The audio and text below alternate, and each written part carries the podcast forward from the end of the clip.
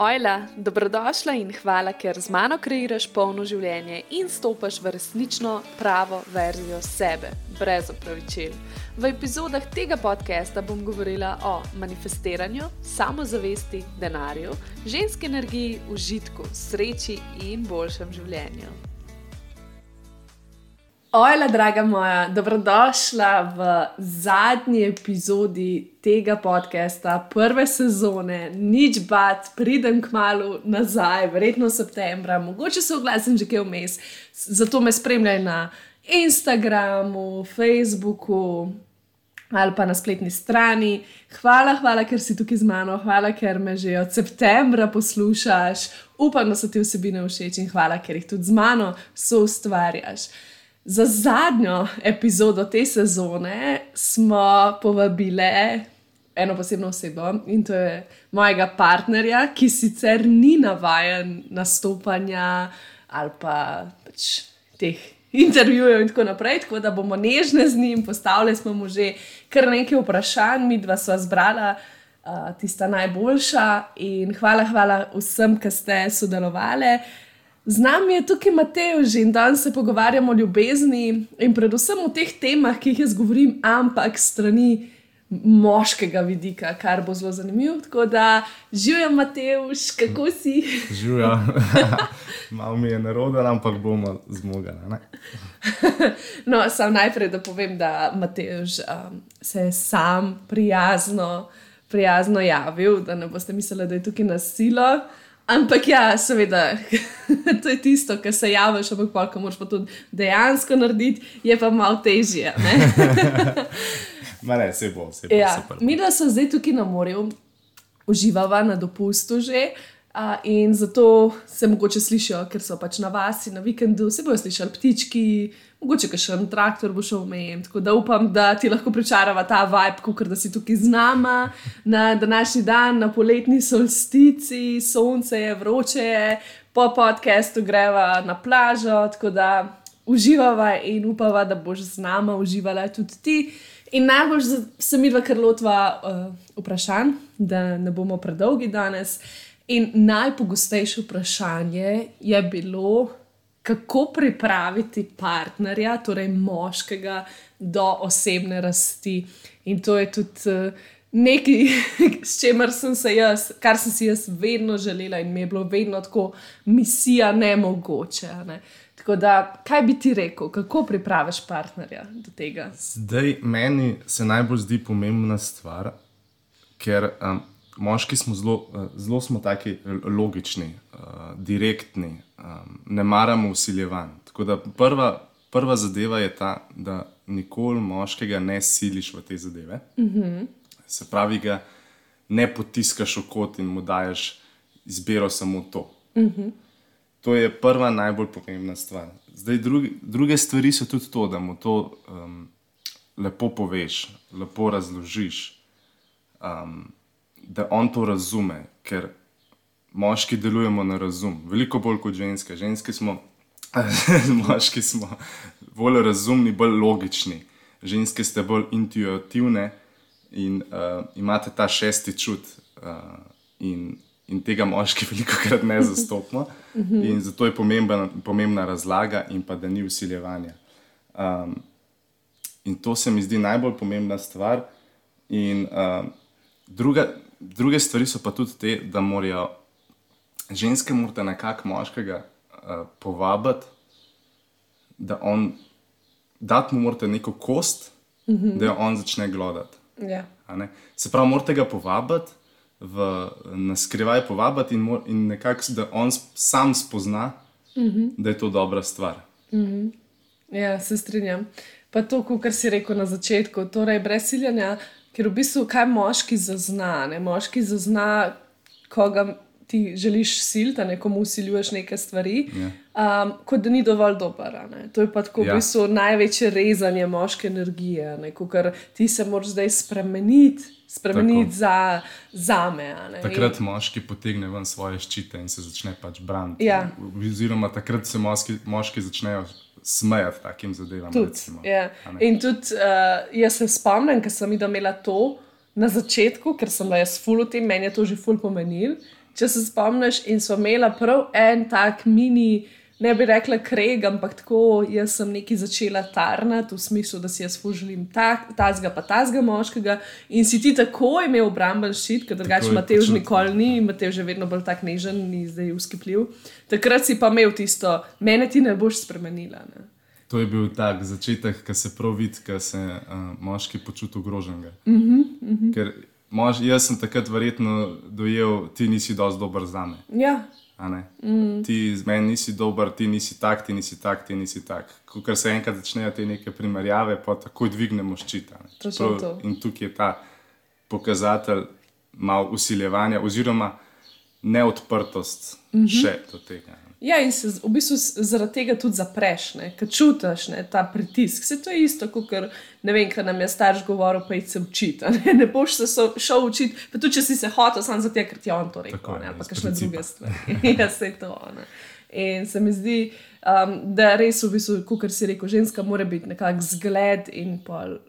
Te nekako povab zraven. In greva kar na naslednjo vprašanje, ki je dosti podobno. Torej, Kako si sprejel ta del mene z manifestacijo, da se nisi delal norca iz tega procesa? Zdaj, najbolj se mi zdi, um, kot sem že prej povedal, se pravi, mora biti v zadnji nek razum, mora biti neko, mm. neka razlaga, um, da to moški dojame. Zdaj, druga stvar je tudi ta, da partner, moški v tej zvezi, mora biti poslušan, se pravi, mora poslušati, mora razumeti, zakaj, zakaj um, uh, oseba oziroma njen, njegova partnerica se s tem pač poslužuje. Um, zakaj ona manifestira? Mora videti dokaze, dokazi so najbolj pomembni. Mm. Moški smo kot znanost, vse mora biti dokazano, vse mora biti logično. Praktično. Praktično um, in, in morajo biti. Um, Kukaj, ja, razumevanje, bistvo, bistvo je razumevanje, bistvo je dobra razlaga in bistvo niso dokazi. In ko moški vidi vse te tri stvari na kupu, takrat začne verjeti mm. v te zadeve. In... Jaz sem ti to kar že dosti hitro nakazala na prvem najnem zmenku, ki je trajal tako po moje pet ur. Ja. in, in sem imela jaz ta gard, ki sem tako hotela povedati, jaz sem to in zdaj take it or leave it. Ampak še zmeraj se mi zdi, da je bil zelo nežen način, ker sem ti ravno povedala, zakaj. Ampak se mi zdi, da je bila bistvena tudi tvoja radovednost, ker, si, ker sem ti bila pač čisto všeč. Ker če ti ne bi bila, bi rekel, eh, pa bi šel naprej. In je, in je tudi to kula, cool, ker potem ženska vidi, ok, to pač ni partner za mene. Ti pa si bil odprt poslušal si me, ker pravi moški dejansko želi pač poslušati svojo žensko, žensko, dokler mu je mara, ne? sploh to poslušanje in razumevanje. Tako kot ti želiš svojega partnerja razumeti, ker te zanima tudi, zakaj ga zanimajo določene stvari, čeprav tebe niti malo ne zanimajo. Ne? In se mi zdi, da si ti mene zelo hitro, tako ful si mi daje enih pod vprašanj. Mm. Ampak tako zelo mehko, da jaz nisem tega razumela kot posmeh ali pa ti meni moraš dokazati, ne? ker sem že doživela pri kakšnih ljudeh, bolj tako ta posmeh v zadju. Pa to, kao, to jaz ne verjamem, dokaž mi z vsemi možnimi ja. dokazi. Ne? In po mojem, tudi, ki si rekel dokaz, um, da ne boste na robe razumeli, da je to tak dokaz. Uh, znanstvena, ja. ampak pač ti si na meni videl, ker sem ti jaz povedala v bistvu svojo zgodbo, po mojem, že res na prvem dejtu. S tem, kaj je Lara v bistvu že na prvem dejtu povedala svojo zgodbo, vidiš, sem jaz v bistvu videl že kako je ona v bistvu s svojimi stvarmi, ki jih počne, eh, z manifestacijo, z, takrat še jo, eh, je bila zelo yoga, mm -hmm. meditacije in te zadeve, kako so ne to zelo pomagale pri, pri njeni, uh, njenem depresivnem um, obdobju, mm -hmm. uh, s katerega si se fully uspešno rešila, in je pa to v bistvu en zelo velik dokaz, kako ji to pomaga in zakaj bi to človeku preprečeval, oziroma zakaj bi se delal norca z tega, če pač osebi to pomaga. Meni mm. se zdi to pač zdravo, da postiš in da poskušaš razumeti. In se mi zdi, da je tako prav. Mm -hmm. oh. Res je. Um, in ja, kot si sam enkrat mi rekel, že večkrat to poveš, pač zakaj bi me zateril, če vidiš, da sem lahko boljše volje, pozitivna, bolj lahkotna, kot pa če sem down, pa ti sam jamram. In pač meni manifestacija pomaga k temu, da sem jaz taka, pa ne zdaj, da je tebi odveč, če sem jaz slabe volje, ampak tako, še vse en, da znam prepoznati lepote v življenju. ne. Pač, zakaj mi je pa pri, pri tem zaviru? Tako, točno. Kar je tudi res, to je taka uh, ženska lastnost, v bistvu se manifestacija je zelo taka ženska lastnost, ki se stopiš v to svojo lahkotnost in ne vede, ne hote, v bistvu oddajaš ta ženski sijaj, ki pa moškemu ful prija. ne, tako Tako. To ženski dela Magnetično. magnetično. Uh. Greva naprej. Kako si živel, preden sva se spoznala, oziroma kako si zmanifestiral naju? Uf, jaz sem imel eno tako, dolg, oziroma lahko rečem, malo dolgočasno življenje. Po eni strani je bilo takrat, če, gledam, če se zdaj spomnim za nazaj, bi rekel, da je bilo tako. Iz mojega vidika, trenutno je bilo tisto življenje zelo tako, malo dolgočasno. Uh, pa ni bilo v bistvu nič narobe, ampak je bil pač tam neko obdobje življenja. Bil sem v bistvu skozi svojo družbo v lokalih, skozi sem posedal v lokalih, pil kave, cele dneve, tudi po 8 ur na dan sem bil samo v lokalu. Prišel sem iz šole, sem šel direkt v lokale se družiti. Um, med vikendi smo bili v lokalih. Um, dejansko cele dneve sem preživel in delal nič. Pa tudi iz, iz službe, ne? ki si rekel šole. Ja, pol tudi iz službe, tudi kasneje, ko sem imel pol eh, službo, tudi je bilo v bistvu življenje čisto isto. In, um, nisem počel nič produktivnega, produktivnega nič uh, osebnega. Um, Tisto hobijsko, kar sem počel, je bila tista, recimo, ena košarka na, na, na teden, ampak dejansko pa, oziroma vmes tudi to ne. Tako da dejansko je bilo samo uh, računalnik, uh, igrice na računalniku, kave in šola, oziroma kasneje služba. Tako da v bistvu sem imel zelo eno tako dolgočasno življenje. Nisem, mislim, dolgočasno, nisem nič počel iz sebe, nisem se boril za nič, nisem, nobenega, nisem videl nobenega namena v življenju, nisem videl nobenega cilja v življenju, nisem nobene želje, tudi želje nisem imel nek, neke posebne. ne. Um, Kar je pa vse v bistvu nekaj, kar moška energija, moški, notranji moški, ful rabi. a Ne, če veš, ki se je pol tudi svetova prej, pol verjetno se dotakne tega. Ravno to, ne, ker ravno moška energija pa pravzaprav rabi. Fokus, namen, Tako. cilje, rabi, rabi se počutiti uporabnega, ne? še toliko bolj kot ženska energija. In zaradi tega v bistvu si verjetno potem tudi bil nekako v nekem pasivnem modu. a pasivno. ne. Tako. In tudi um, pa še samozavest ni bila ravno. Posledica vsega tega, ko, ko, nisi na, ko, si, ko si neproduktiven, ko ne počneš nič drugega kot samo pač dolgočasne zadeve. Uh, je tudi to, da pač ja, nisem imel samozavesti, imel sem 100, 130 kg, uh, tako da nisem, dejansko sem bil res zaprt samo vase. Mm. Tudi, uh, tudi v svoji družbi včasih nisem Pa so mi zelo dobri prijatelji, ki jim bi zaupal vse, ampak jim vsega nisem zaupal, kar sem imel v sebi, vseh teh težkih misli o sebi in mm. vseh teh uh, zadevah. In ja, kot si prej rekla, moški pač rabi nek namen, nek, nekam mora strpeti, mora eh, strmeti, mora imeti neko jasno črto. Mm. Mora vedeti, kam gre, ker ko on gre, lahko povabi zraven tudi žensko. ne. In, in takrat je njegov namen, takrat je on res moški. ne. Ja, on v bistvu vodi, Vodi tako. Ja, on je- leads. He leads. uh, in kako, aha, kako sem. Kako si zmanifestirala? Kako misliš, ali še vsi poznajo mojo zgodbo, ne? kako sem jaz tebe zmanifestirala, ker sem te res, pač tako, imela sem celo opis in vse. To Ne, sem pač, še jaz videl. ja, en zvezek, v katera piše. ne, mail je bil. A mail, točno. Mail ja. je bil, snutek maila je bil, ki sem ti poslala.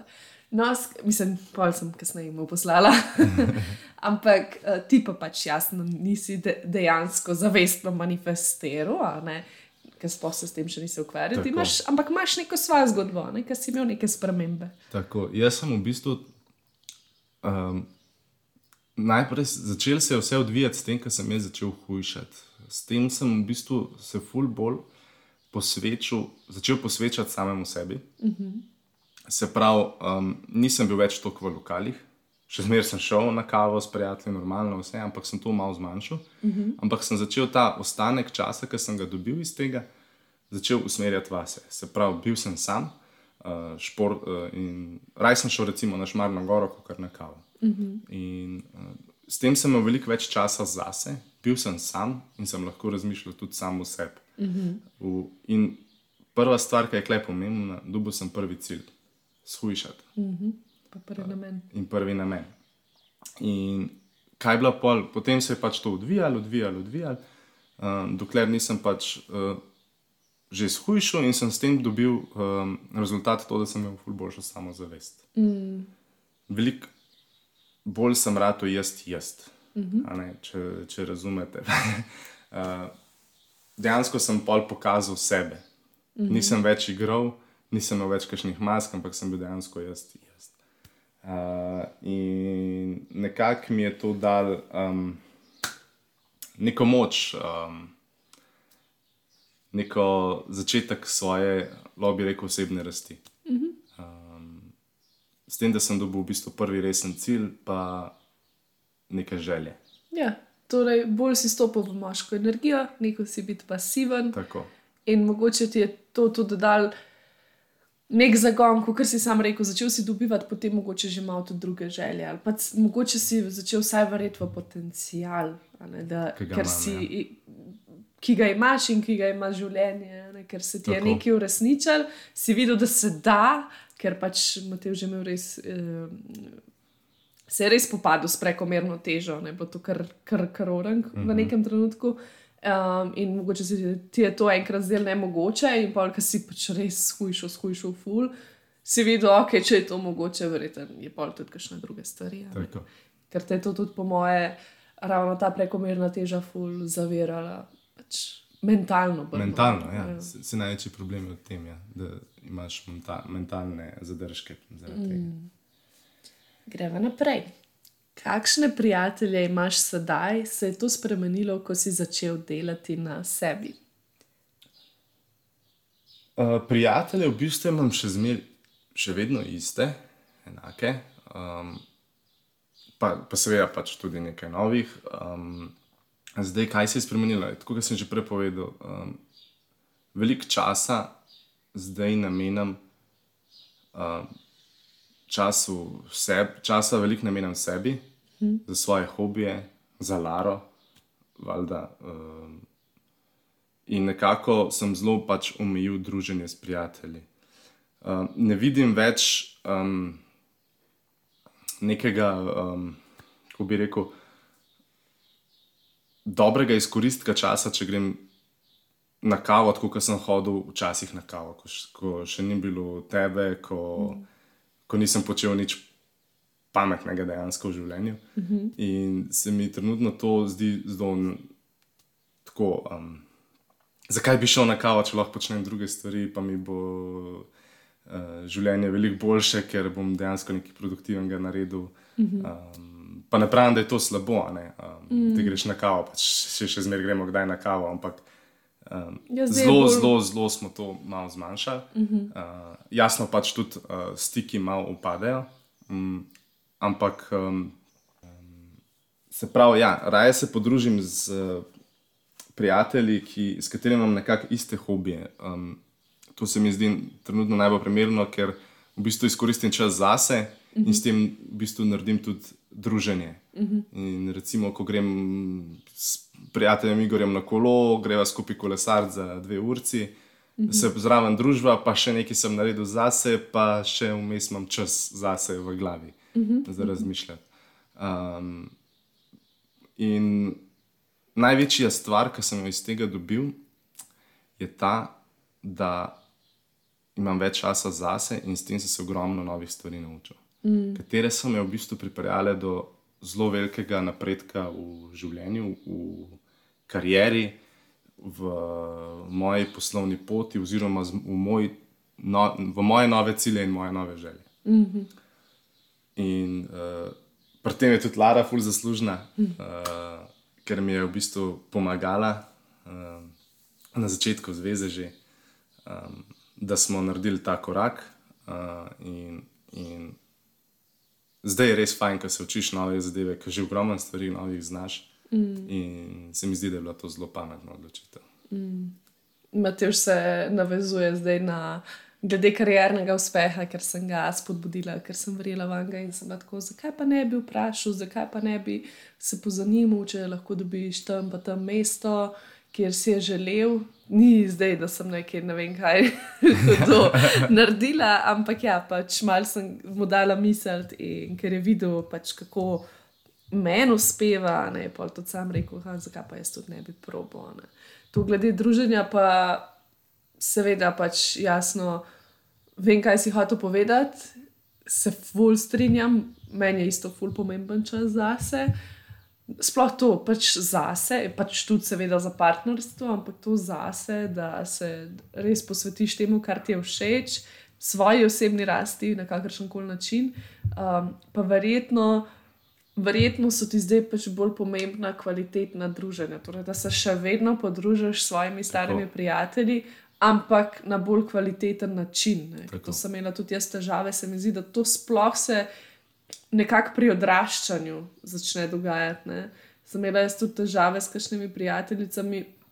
Ki niso najbolj razumeli, zakaj nisem več na voljo vse čas, pa sem bila, recimo, vmes samska. Um, pač nisem na voljo, ker rabim čas zase. Mm.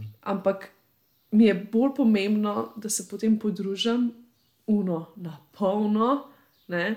Da je res tisto, wow, to je bilo dobro druženje, da sem navdušena na to osebo, kot pa da vsak dan tečim z njo.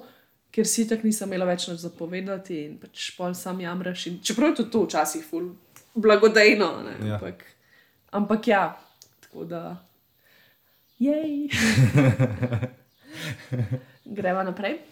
Kako si vedel, da je Lara the one?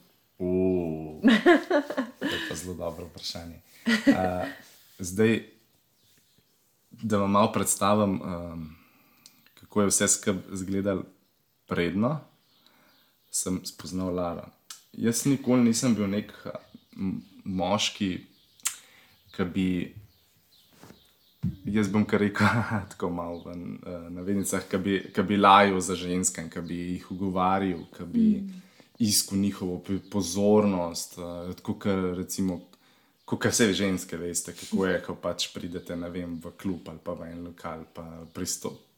Nimate včasih miru pred moškimi, ki mm. caplajo en za drugim, za vami in uh, vas um, ugovarjajo. Zelo nisem bil tak, uh, nikoli, že zaradi tega, ker sem imel slabo um, samo podobo oseb. In um, sem jih na nek način zmer, um, zmer sem vas spoštoval, ampak nisem imel nikoli tega, tega um, da bi začel pogovor. Zmer mi je bilo naroden, zmer mi je bilo sram načenjati pogovore uh, in take zadeve. Ko pa je prišel čas tega piknika, na katerega so bila oba povabljena, se je pa zgodil neki v meni, ki jaz tega ne, vem, ne znam niti z besedami opisati, ampak jaz sem dobil tako samozavest, tako moč. Jaz sem Laro sprašval, sam da sem jo videl, sam da se je usedla, sem jo začel spraševati, uh, so se začela pogovarjati. Uh, Vse me je zanimalo, vse sem hotel vedeti o njej. Uh. Jaz jo kam, zato se v tem smeje. Uh, res, to je bilo nekaj tako nevrjetnega. Um, ne vem, kako, sploh ne znam opisati. To je kaj ena um, God-given power, res. Um, taka privlačnost, taka magnetičnost. Jaz sem jo kar občudoval, gledal sem jo, njen telo, njene oči, njen obraz, lase, uh, vse je bilo seksi, top, uh, zanimiva oseba, hotel sem vse vedeti o njej, vedno več, več, več. In že takrat sem spoznal, da je. Že takrat sem spoznal, da je to oseba, za katero za katero, pr- prav spomnim se, rekel sem si, Matej, za to osebo se moraš pa res potruditi. Nimaš nobene. To je oseba, ki si jo sam pogledal, pa te je vrgla iz tvojega komfort zona in si šel. Mm. Brez, brez da bi na karkoli slabega pomislil, sam šel si, gremo. In še danes je tako, in jaz ne morem verjeti. Um, Lara to dokazuje iz dneva v dan, da se trudim 120% in mi sploh ni problem. Mm. Uh, res, to je tako, kar reka, to sam pač gre. In res uh, vsak dan dam, bi dal še procent zraven, ker je res tako dobra oseba. In... Ne, nimam sploh besed, res. Jaz se počutim, da sem še zmeraj na začetku, tako sem zelo ljubljen. Jaz tudi. Uh, nisem pričakovala, da se bom zjokala, nisem vedela, kaj bom Mateoš povedal. um, tako da, punce, če to poslušate in če ste samske, naj bo to dokaz, da obstajajo čudoviti, čudoviti moški Hi. In bojo tudi pač enkrat prišli v vaše življenje. Sam verjemite v to in delite na sebi, kot sem jaz delala na sebi. In sva zdaj tukaj in se seveda oba trudva in res je, pač včasih se kar vprašava. Skoraj tri leta sva že skupaj in še zmeraj se obnašava, včasih za več, več časa, res tako, da bi bila zaljubljena, pač skozi. Mislim, da bi bila na novo zaljubljena, zdaj, zdaj mi je čist fokus šel. uh, tudi zdaj, ko smo bila evo, za vikend na eni poroki. Mi dva smo skozi neki skupaj, skozi se moramo malo, ne vem, biti zraven drugega, malo en, enega malo tako čisto se gledava, tako res, da bi. S, s, pač, ko so opazovali kakšne druge pare, ne, je bilo pač tisto dosto umirjeno, mi da so pa še zmer tisto, mava ta um, žar, kako naj rečem, to res, kot se reče, to magnetičnost, nekaj naj vleče. privlačnost. Ampak tudi ful ulagava v to. To je treba pač res ful se dajeva na prvo mesto, ker si oba želiva, da ta odnos uspeja. Tako, Tako da. ljubim te. Oh, Gremo naprej. Kako spiritualen si bil pred Laro? Kako bi svojo duhovno plat opisal sedaj? No, to, je, to smo že malo prej o tem govorili. Uh -huh. uh, zdaj, jaz pred Laro, po prvič povedano, nisem bil nadspiritualen, um, nisem verjel v nobene zadeve. Um, bil sem zelo tak znanstven, kako bi temu rekel. Um, rad sem imel dokaze za zadeve, ne bom verjel samo teorijam. Um, take zadeve. ne. Kot večina, uh, tako kot večina moških v bistvu. Ja. Um, zdaj, sčasoma, uh, je pa res, da sem bil pa zmer tudi malo bolj odprt za zadeve. Uh, ni, ni, nisem bil nikoli neki zelo posmehovalen ali pa da bi sedel v norca iz teh zadev, ampak um, bil sem nekako, se mi zdi, da kar dost odprt um, za, za te stvari. Um, in in um, najbolj, v bistvu, največji preskok je bil to, kot smo že prej govorili, ta prvi dejt. Uh -huh. Oziroma, v bistvu prvih par dejtov. Um, Ker sem imela tem, pa nisem se zdaj samo o tem pogovarjala. da ne bi mislil, Nisem jaz Mateoša šolala. Mat jaz sem govorila samo takrat, ko me je Mateoš kaj vprašal. Tako. Da ne boste mislili. Zdaj, uh, jaz mislim, da največja stvar je bila ta, da v bistvu moje zanimanje, ker me je pač ful pritegnila ta zgodba od Lare, kako je bilo v bistvu na dnu, pa jo je to vse skupaj dvignilo. Mm. In s tem sem v bistvu že začel spoznavati se s tem. Ko sem tebe sprašval, um, ko si imela pač moje zanimanje, um, si odkrito in lepo razlagala o teh zadevah. Um, in sem v bistvu začel spoznavati, pa tudi imel eh, dokaze, kako je to spremenilo življenje uh, in kako je dobra oseba, se pravi, mora biti zelo dober. Um, in v bistvu sem začel verjeti v te zadeve, um, sicer počas, počasi, ker je zelo velik preskok iz ne verjeti nič v verjeti veliko. Um, še danes se mi zdijo mogoče kakšne zadeve malo tako wow. Ampak Se sem- sam, sam vidim že na sebi, ko se lotam nekih zadev, mm -hmm. ki jih Lara dela, da tudi men, pri meni delujejo. Tako totalno neverjetno, kot včasih še Lara ne more verjeti. Ja, dejansko me včasih Mateoš tako šiša v tem, po moje, ravno zaradi tega, ker nima tega, te navezanosti, ne, ker ni zdaj, da res slepo verjame v to. In mogoče sploh ne daje toliko namena v to, ampak ima ful več te lahkotnosti, ravno zato, ker tukaj ne razmišlja o tem. In se mu potem kakšne stvari hitreje uresničijo kot meni, in sem tako, how do you do it? Recimo, meni je bil tako največji šok, ne vem, to, to sploh ne morem vedeti, kako se je zgodilo, ampak mi dva sva, a sva januarja, ne, kdaj sva karte kupila za Majorko? Januarja.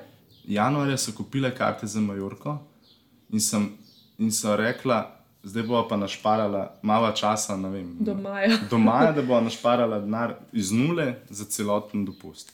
In meni se je zgodil v treh tednih, štirih tednih, mi je rata našparati.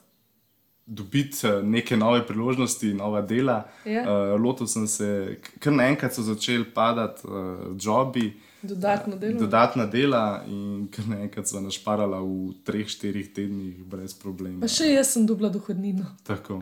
Pač tako neverjetno. Neverjetno, kako hiter je bilo. Pa tudi lahkotnost, ne samo to, koliko so mi da hiter top, top stanovanje, skoraj v centru Ljubljana, ki veš, da je težko dobiti, ki veš, da pa ugodno stanovanje ja. za te razmere. Videla sem tako enkrat, kdaj je bilo to decembra 2020, ja. rekla. Uh, Zdaj bomo pa počasi malo gledala stanovanja, da bova mogoče se maja preselila. Upa, upava, da bova našla stanovanje v pol leta. Kaj se je zgodilo? Bil je januar, 3. januar je bil ali 5. Takoj 3. po, januar. takoj po, po uh, novoletnih uh, praznikih. Ja, ti si bil v službi, jaz tudi, takrat sem še tam delala. Uh, in mi Mateoš mi pošlje tako dva linka stanovanj, in v bistvu se na- pri enem stanovanju niso javili, pri drugem pa se, a ne. Mateoš mi samo vpraša, ti všeč, greva gledat. Jaz tako, ja, valjda, ampak to je bilo čisuno, mi dva greva gledat, nama se je fajn zdelo, o, oh, wow, hodva gledat stanovanja, se to ni še nič. a Ja. veš. In mi dva sva š- prišla, isti dan smo mogli iti pogledat, ker je človek rekel, da ima sam še danes uglede, prospolno se popovdne sva šla, oba prej službe, uno, greva hitro pogledat. In naslednji dan smo imeli že to To stanovanje. stanovanje, pač nama je bilo stanovanje, meni je bilo stanovanje ful všeč. Um, bilo je, v bistvu je dosti pocen, uh, ena varščina. Ja, je še Um, to, ja. ker druga stanovanja Jaz, so imela nisem, full ja, varščine. nisem mogla verjeti, kako je to možno, da, da je to nama. In mu rečeva, da pač bo še en dan razmislila in potem javila. Uh Mhm. -huh. In ga kličeva naslednji dan, in je izmed eh, štirih parov. Je pač nama rekel, da se mu zdi najbolj primerno, da so Ja. dobile stanovanje Tako je. iz, iz prve. Se to, mi da sploh nisva. Tako srečo smo imeli, da pač res v Ljubljani, kjer je primankljaj, ki pomanjka, sploh, sploh taka stanovanja, ki smo si želeli, da je vsaj malo moderno, da je tako luškano in vse. In smo dobili tako avto isto. Isto Avto, ki pač barva in oblika, se pravi, da je limuzina, da ni karavan. Je tudi, Demo reči, ni lih redkost v Sloveniji, ampak ni, ni vedno na voljo. Mi da sem ga takoj dobila in isto je bilo. Šla sem na ogled čez za foro in so se na koncu že pelala, smo imela že varščino. Kako se reče temu kontakcijo? Aro. Skratka, in kmalo bova še nekaj, oziroma sva že nekaj velikega zmanifestirala, kar bova razkrila kasneje, čez kakšen mesec. Ja. Ampak, uh, ja, tako, pač, Matej, vse nekaj časa sem ga tudi, pa ne bi rekel, da sem te sila, ampak sem te povabila. Vem, da smo imeli obred o polni luni. Točno. Točno se spomnil. Ampak se, se je bilo tako prijetno, pa tudi vem, da smo delala New Year's resolutions. Ja, dvakrat. Ja, tako da to, to, to ti kar gre, ker jaz sem tudi v bistvu prepoznala, kaj te ne. Se pravi, ok, mogoče celo jogo si me prosil, da te vodim, sem te vodila, pač res je bil Matej že bil, kar se tega tiče, ful, pripravljen tudi sodelovati. Polka je videl, se pa spomnim prav par meni v sobi, ki smo ležala na posli. Ker si ti spet hotel neke dokaze in si me spraševal, to je bilo še bolj na začetku, in jaz sem full hotla, da ti to razumeš. In da se spomniš, da sem ti jaz vse čas isto ponavljala, sam jakost sem spremenjala, da sem se na koncu že skoraj drla na te, pa kako ne razumeš. Tako da punce. Um, ne rabite povišati glasu, ker vas, vas moški ne bo več razumel, kvečemu manj in bo sam slabši. Ampak ja, jaz sem pač spustila in sem pač tako pustila, da vidi, da deluje in kaj je videl, kako meni deluje. Je sam začel, pa čeprav mogoče včasih ne čist namensko.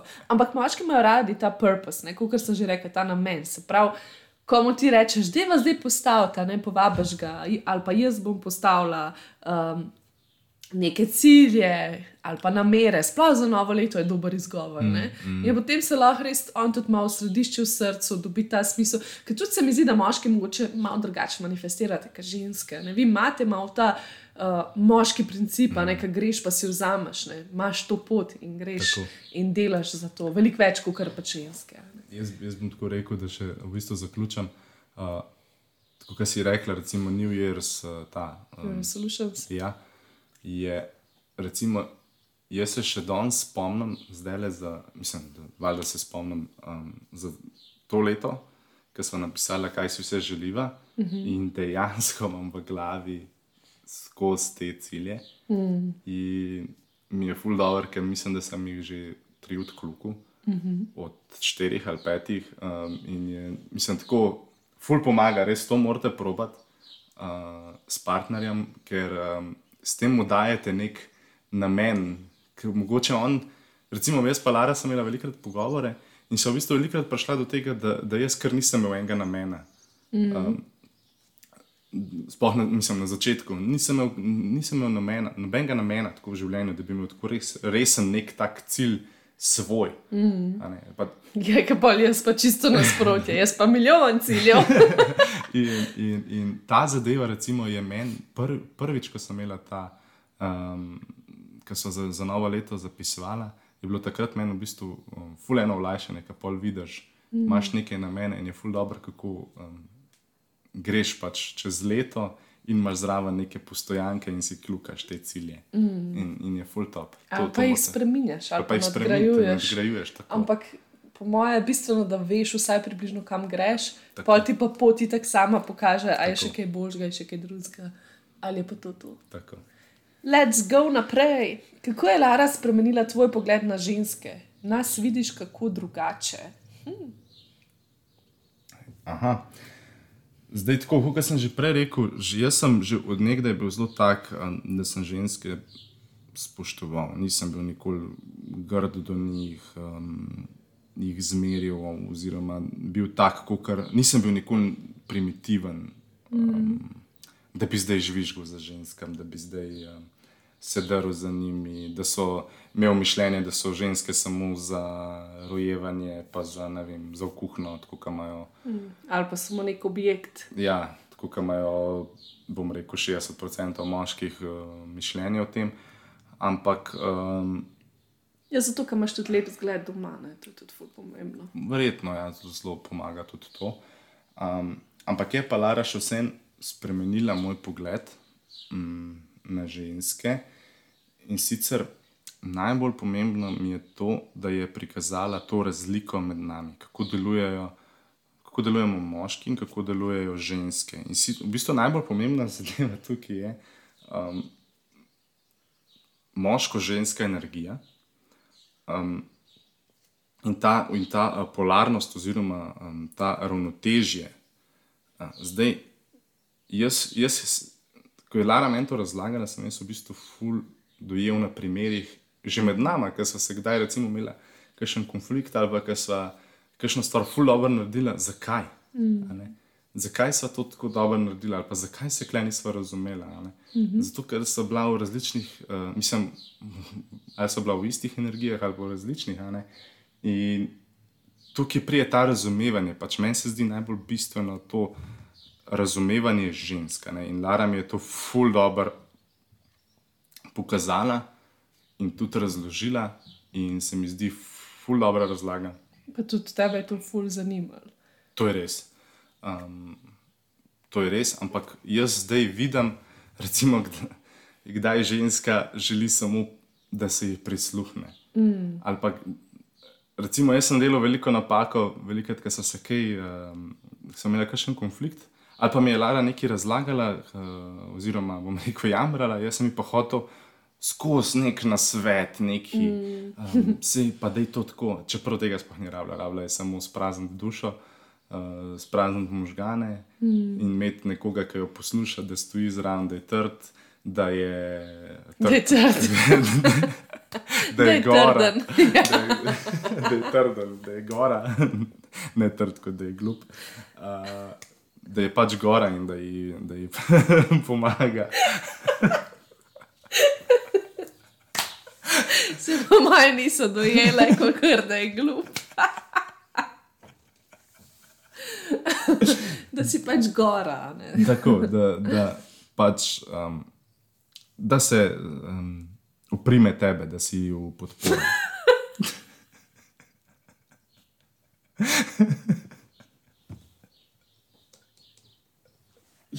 Okay.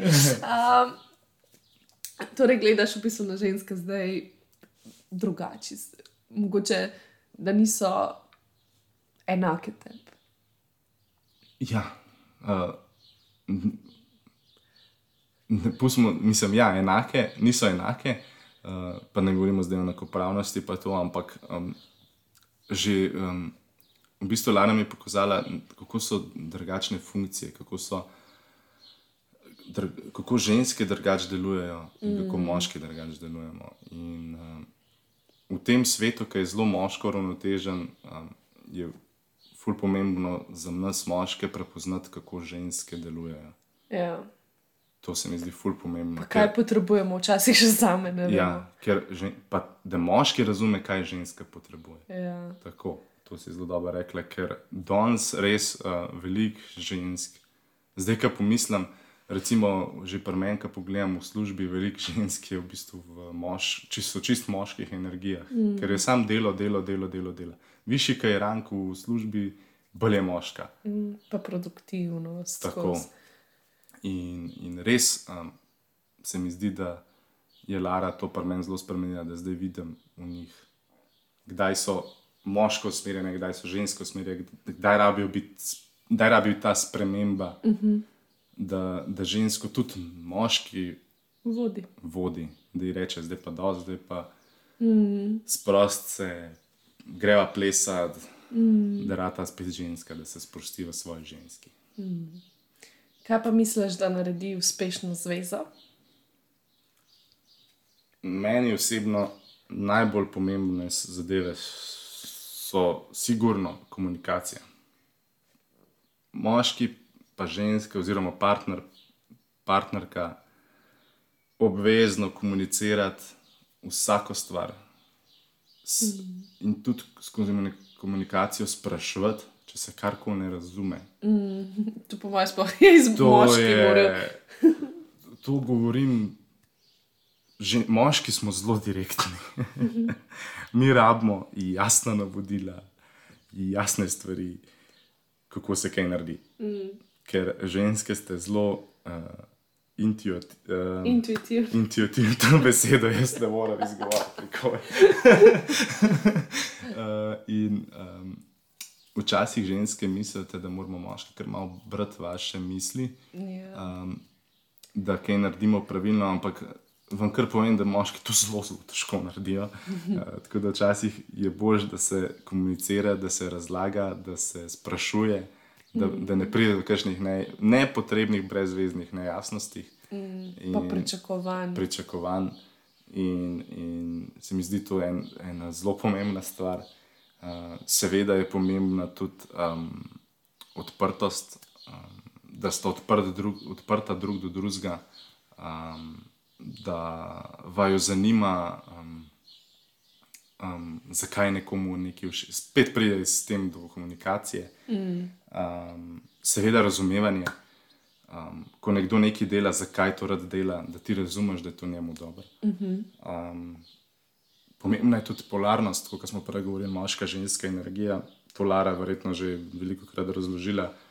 um, zelo pomembna stvar, da veš, kdaj si. Jaz dejansko zdaj prepoznam, kdaj sem jaz ranjen, mm. kdaj je Lara ranjena.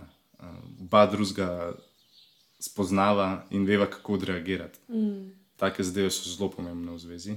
Uh, in pa še ena stvar, ki je zelo pomembna, um, verjetno je Lara to že kdaj povedala, ali pa bo zdaj jezik ljubezni.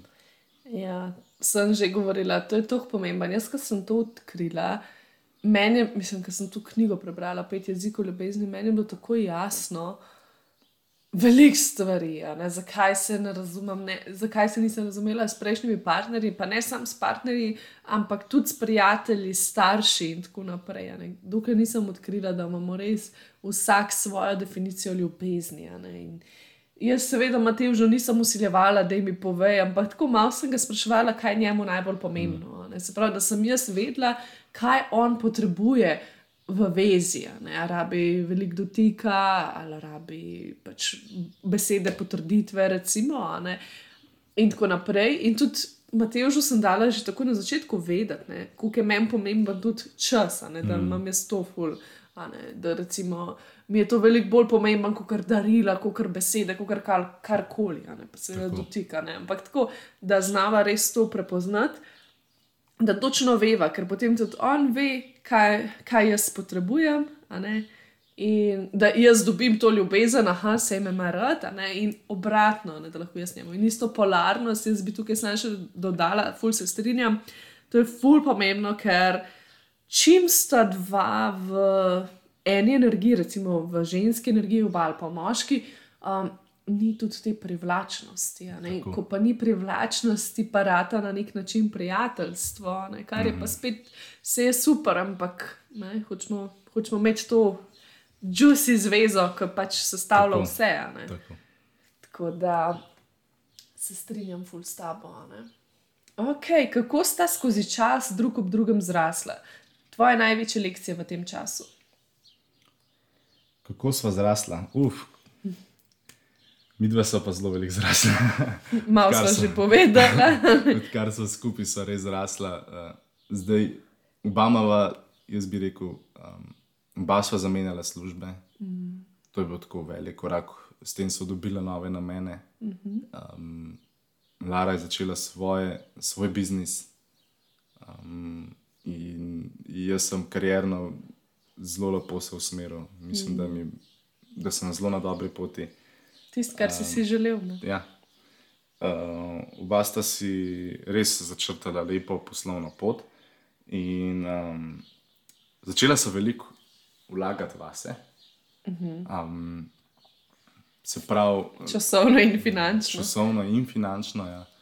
Um, res so prepoznala, da nam to pomaga in da dobivamo uh, nova znanja in uživava v, v novih stvarih, ki jih počneva.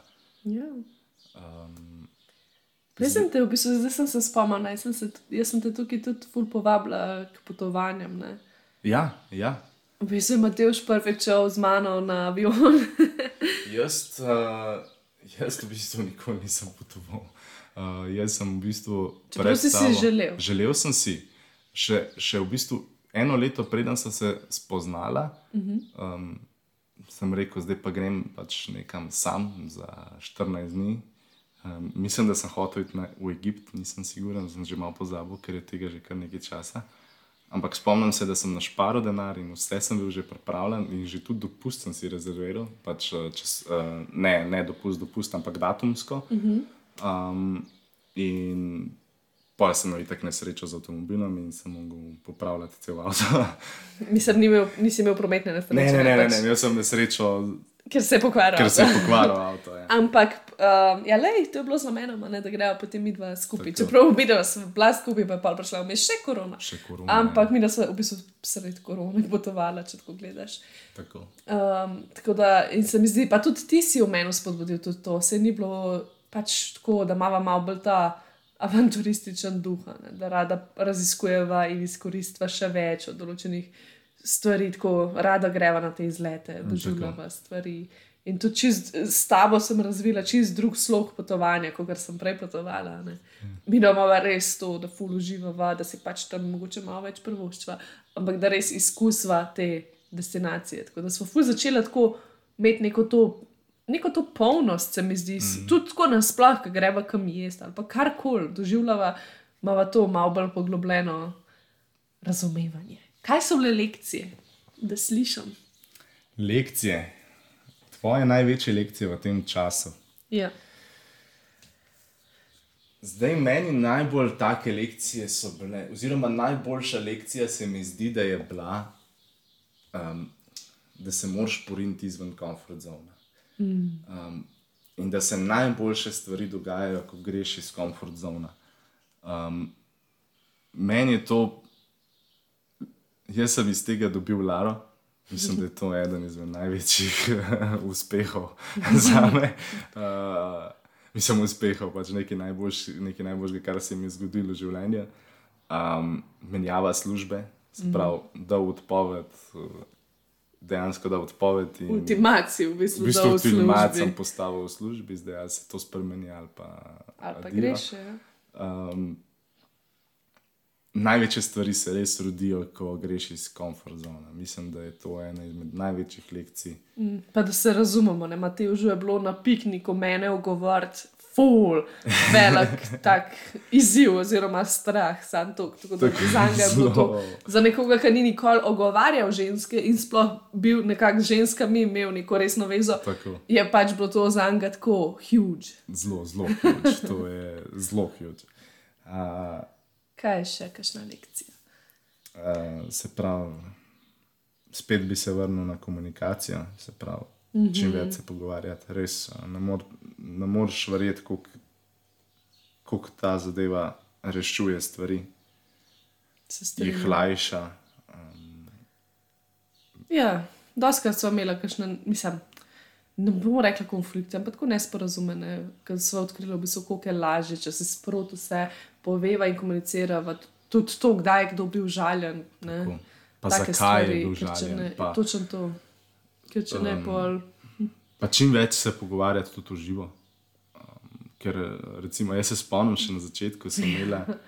se Spomnim, enkrat, to mi je ostalo malo v spominu. Enkrat sem imela en konflikt prek Messengerja, samo zaradi tega, ker se nismo v živo pogovarjali Ja, o ja. tej temi, ker je bil ton napačno razumljen. Točno to. Pač, In- dejte se, če, ko se pogovarjate o kakšnih takih zadevah, malo bolj resnih ali pa karkoli, ali pa če vidite, da nekaj ne gre, dejte se poklicati Ja. ali pa počakajte, pa se pol zmenite, ne si pisati vmes, ker vse je v bistvu res. Jaz sem se večkrat tudi s prijatelji. Ja, ja, ja. Se kar nekaj narobe razumeš, ker ti kar v svoji glavi narediš nek ton. Ne? ja in, in, in Se strinjam. kako je kaj rečeno. ne. In To je res tudi taka stvar. Kakšno je tvoje mnenje o moško-ženskem prijateljstvu? Zdaj, iz mojih izkušenj lahko povem, da moje mnenje je, da moški in ženska sta lahko brez problema prijatelja. Um, ne vidim nobenih problemov tukaj. Res pa je, da ko sta moški in ženska prava prijatelja, morata imeti vse razčiščeno, kar se drug drugega tiče. Ker sem tudi v svoji družbi mm. doživel, da recimo, so bili prijatelji, mm -hmm. Pa so v določenem momentu uh, nekateri prijateljstvo razumeli, zamešali Ja. uh, čustva prijateljstva, zamešali za ljubezenska čustva mm -hmm. in se hitro lahko. Um, Ja. Tako se moja cela veza prejšnja. Se lahko hitro uh, zameša, ampak uh, verjemite meni, da taka zveza nikoli ni uspešna. Ne, ni zato, ker je pač. Ker, ker je pač pol prijateljstvo. In, uh, in uh, mislim, da ko, ko, sta, ko so zadeve razčiščene, so moški in ženska lahko brez problemov prijatelja. Mm. Um, pač jasne meje. jasne meje, tako. Uh, in oba se morata tega tudi zavedati. ne. Tako da, ja, moje mnenje je, da sta lahko. Kaj vam predstavlja največji izziv v zvezi? Največji izzivi. Trenutni največji izziv mava, da je v bistvu um, najti čas za naju, za najna druženja. Um, ker v bistvu mi dva veliko delava kakšnih stvari skupaj. Ja. In v bistvu je to na nek način druženje, ampak ni to najno druženje. ne. In velikrat uh, se družba recimo po cel dan, non-stop debatirava vse, ampak ni to uno pravo druženje, ki ga mi dva znava narediti. Ni dejt, ne? Ni, ni, ni kot dejt in je nam potem pač čas manjka, čas prav za najo najo. Ja, ker je tudi pač full upleten biznis in moj, Tako. In v bistvu tvoj, v najno življenje, in doskrat delava določene stvari skupaj, ampak v bistvu mi dva delava. pravi, Ja. vsak je, vem, ali na svojem računalniku, ali ne vem. Se ti ukvarjaš s fotografijo, ful, ne, pa se tu. Mm. Ali pa pač s temi stvarmi računalniškimi, ki te zanimajo. Jaz zraven, ne vem, pač za svoje stvari delam in nekako tukaj najdete balans. Sploh pa Tako. v mojem biznisu, ki je razvlečen čez cel dan, ker v bistvu moje življenje je moj biznis, v končni fazi. Ja. Ti pa tudi pač, tudi imaš ful svojih hobijev in to. Ne? Tako da se strinjam. Je še kaj takega. Um, da ma- najdeva neko. Zdi se mi, da je eden izmed najnižjih izzivov tudi ta, da moramo najti neko sredino med najnižjimi cilji, željami. Ker um, glede na mojo preteklost, ki Mateoš ni več počel v življenju pametnega, je um, jaz sem zelo hiter. Ne, da sem zelo hiter, um, ali pa ja, v bistvu sem zelo hiter zadovoljen z, z manjšimi stvarmi. Um, recimo, uh, La, Lara pa ti. Kaj je the limit? Sky's the limit, ja, pač Lara pa je sanja in sanja o ogromnih zadevah, ki je meni kar tako wow. Jaz si tega sploh ne morem predstavljati, moj, jaz, moj domišljijski, domišljijski spis bi bil ena. in mi je, in mi je kar tako, wow, to so pa res ogromne stvari. In, in najdete to neko sredino, da bova upa zadovoljna. a ne. recimo Lara, Lara je brez problema iti živeti na drug konec sveta. Uh, Medtem, ker se tebi zdi to nemogoče. Meni se to zdi. Pač ne, da ne nemogoče. bi, ampak tebi Ja. se to zdi. Vse tako je bilo že za potovanje, ko smo začeli, ti bi šel, ampak si mislil, da je to recimo full drago. ne. Ja, Da ja, pač, pa si v bistvu ugotovil, da mogoče sploh ni to, kot si si predstavljal. Tako. Um, ja, se strinjam. Ja. Tako da sva malo, moramo si priti nekako nasproti, se pravi, da jaz zmanjšam malo te, mislim, ne da zdaj zmanjšam sebe, ampak pač da. Ne to, da zmanjšam svoje sanje, ampak da najdem potrpežljivost in ustrajnost, ja. Kar mi je ful primankuje. Ne? Jaz sem tista ženska energija, ki overflowa, ki ima to sky's the limit, nikoli ni dovolj, da imamo še več, ne? naj, naj prihaja in hočem čim prej. Medtem ko Mateo že pa ful bolj ta stabilna skala, ki stoji, ki čaka, ki dela manjše korake. Počasi. Počasi gre, počas gre proti ciljem, in tukaj se potem mi dva skupaj najdeva, kar je ful dobro, ker se v bistvu učiva en drugega. Jaz Mateo že kažem, da lahko si ustvari več in si je že ustvaril več. Medtem ko mene on uči ustrajnosti in potrpežljivosti in me opominja, da mi gre ful dobro, da me malo meri, da, da ni to pet, tukaj, kjer sem, ne, da ne rabim. Tako. Tako da ja. Uh, kaj najbolj ceniš kot moški v odnosu, kaj ti je najbolj pomembno? Najbolj pomembno se mi zdi, da mora biti v odnosu um, kot moški, jaz najbolj cenim zaupanje. Um, brez tega mm. ni zveze, če se me vpraša. Ker um, ko enkrat partnerju ne zaupaš, uh, oziroma ko on tebi ne zaupa, ali pa ti njemu ne zaupaš, je za me zadeva zelo, zelo uh, v težkem položaju.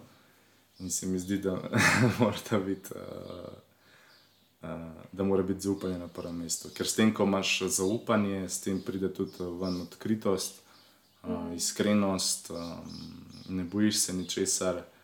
Um, zelo, zelo lepe stvari se rodijo iz tega, ko imaš za, zaupanje.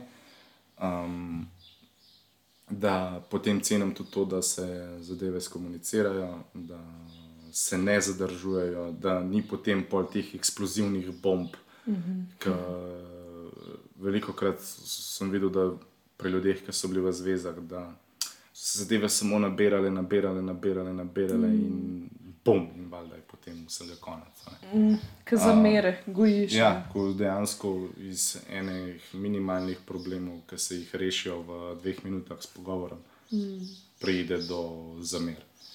Um, pomemben je pa tudi, se mi zdi, meni osebno ta balans. Um, se pravi, spet se vračam uh, nazaj na um, energije moške ženske. Uh, oziroma, da je, da je stvar polarna, ne, da ima dva pola. Da, mm. da s tem, kot je Lara prej rekla, uh, če ni polarnosti, ni, niso zadeve, ne vidiš drug drugemu seksi stvari, eh, partnerja, partnerja poželjenje. Mm. Uh, take zadeve in se mi zdi, da je to zelo. Mislim, da to odvrača ne, na nek način. Ja. Ne, ja. Se mi zdi, da ko ženska recimo full stop v moško energijo in želi kontrolirati svojega moškega, nadzirati, ne, kar so tudi imela, tudi take situacije. Je to v bistvu na nek način turn off, tako kot je ja. meni turn off ko moški nima tega namena, ki sam leži, Tako. pa pač ne vem, gleda TV cele dneve. Recimo, pač ni privlačno. Recimo, fulje je zanimivo, zdaj sem se spomnil. Tako, Kaj zdaj, recimo, ženske velikokrat rečejo, pa se ni, recimo, starejše ženske, ne? zdaj velikokrat mhm. rečejo, pa se ni več nobenih moških, dobrih, ta pravih moških. Mm. In tako zdaj le v bistvu pomislil, ja, valjda, da ne, ne, ker je mo, svet tako moško obrnen, da so ženske toliko več v moških energijah, mm -hmm. da so dejansko moški rata zelo pož. Ja, pač umaknijo se vse. Ne? Zelo so ženstveni rata. Ker se ne počutijo, mislim, ne počutijo se uporabne. Ja, nimajo namena ne, v, mm. v svetu in, in, rata, in so rata zelo taki. Mm. Zelo so v ženskih energijah. Mm. In, in zato pa tudi veliko se reče, pa se jih več teh moških. Mm. Ja, ki te bo tako le folk poslušal, si bo še mislil, da si res spiritualen.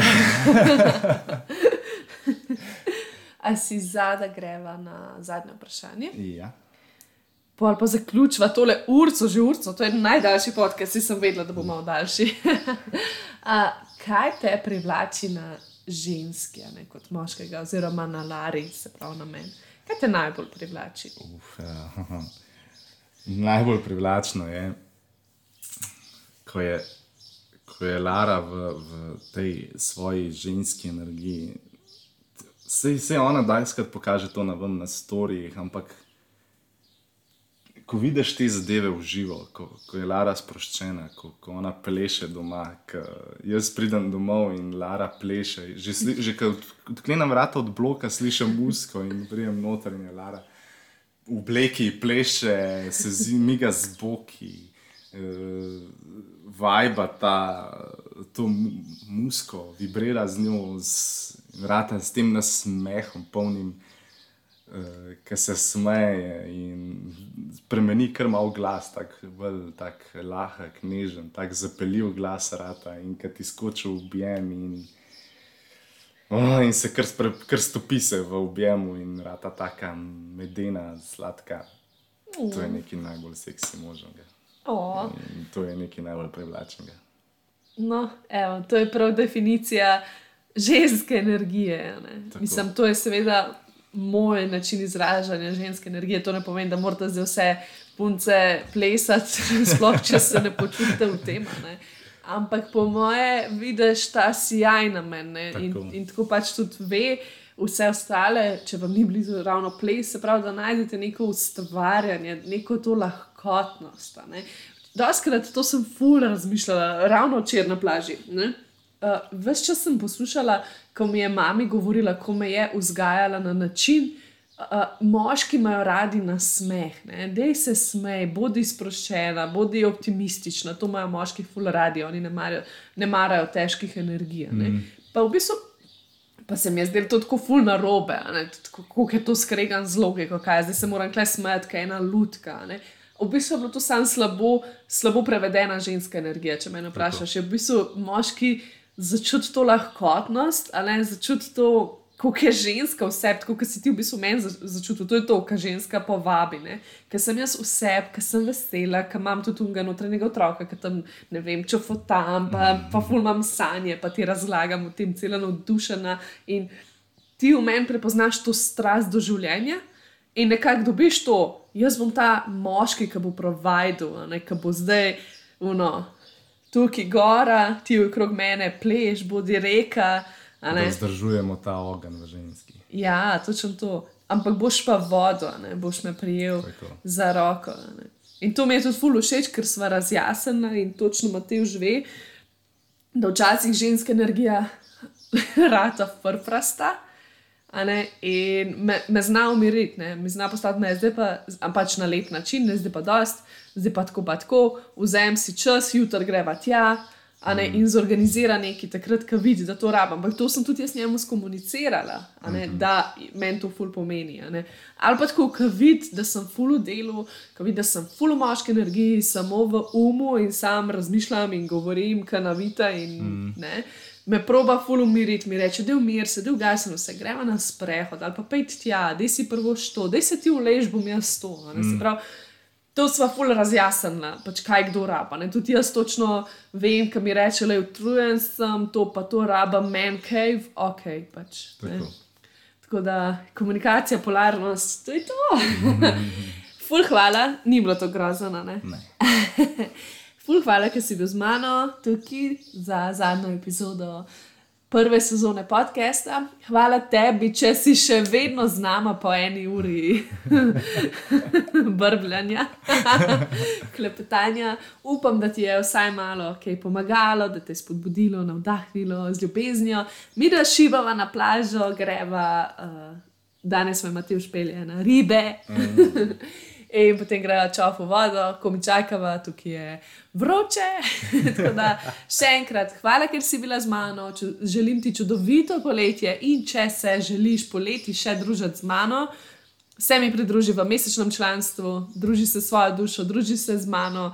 Vsak mesec prihajajo nove vaje, meditacije, naloge in tako naprej. Drugače pa uživaj in se slišiva septembra. Čau, čau! čau.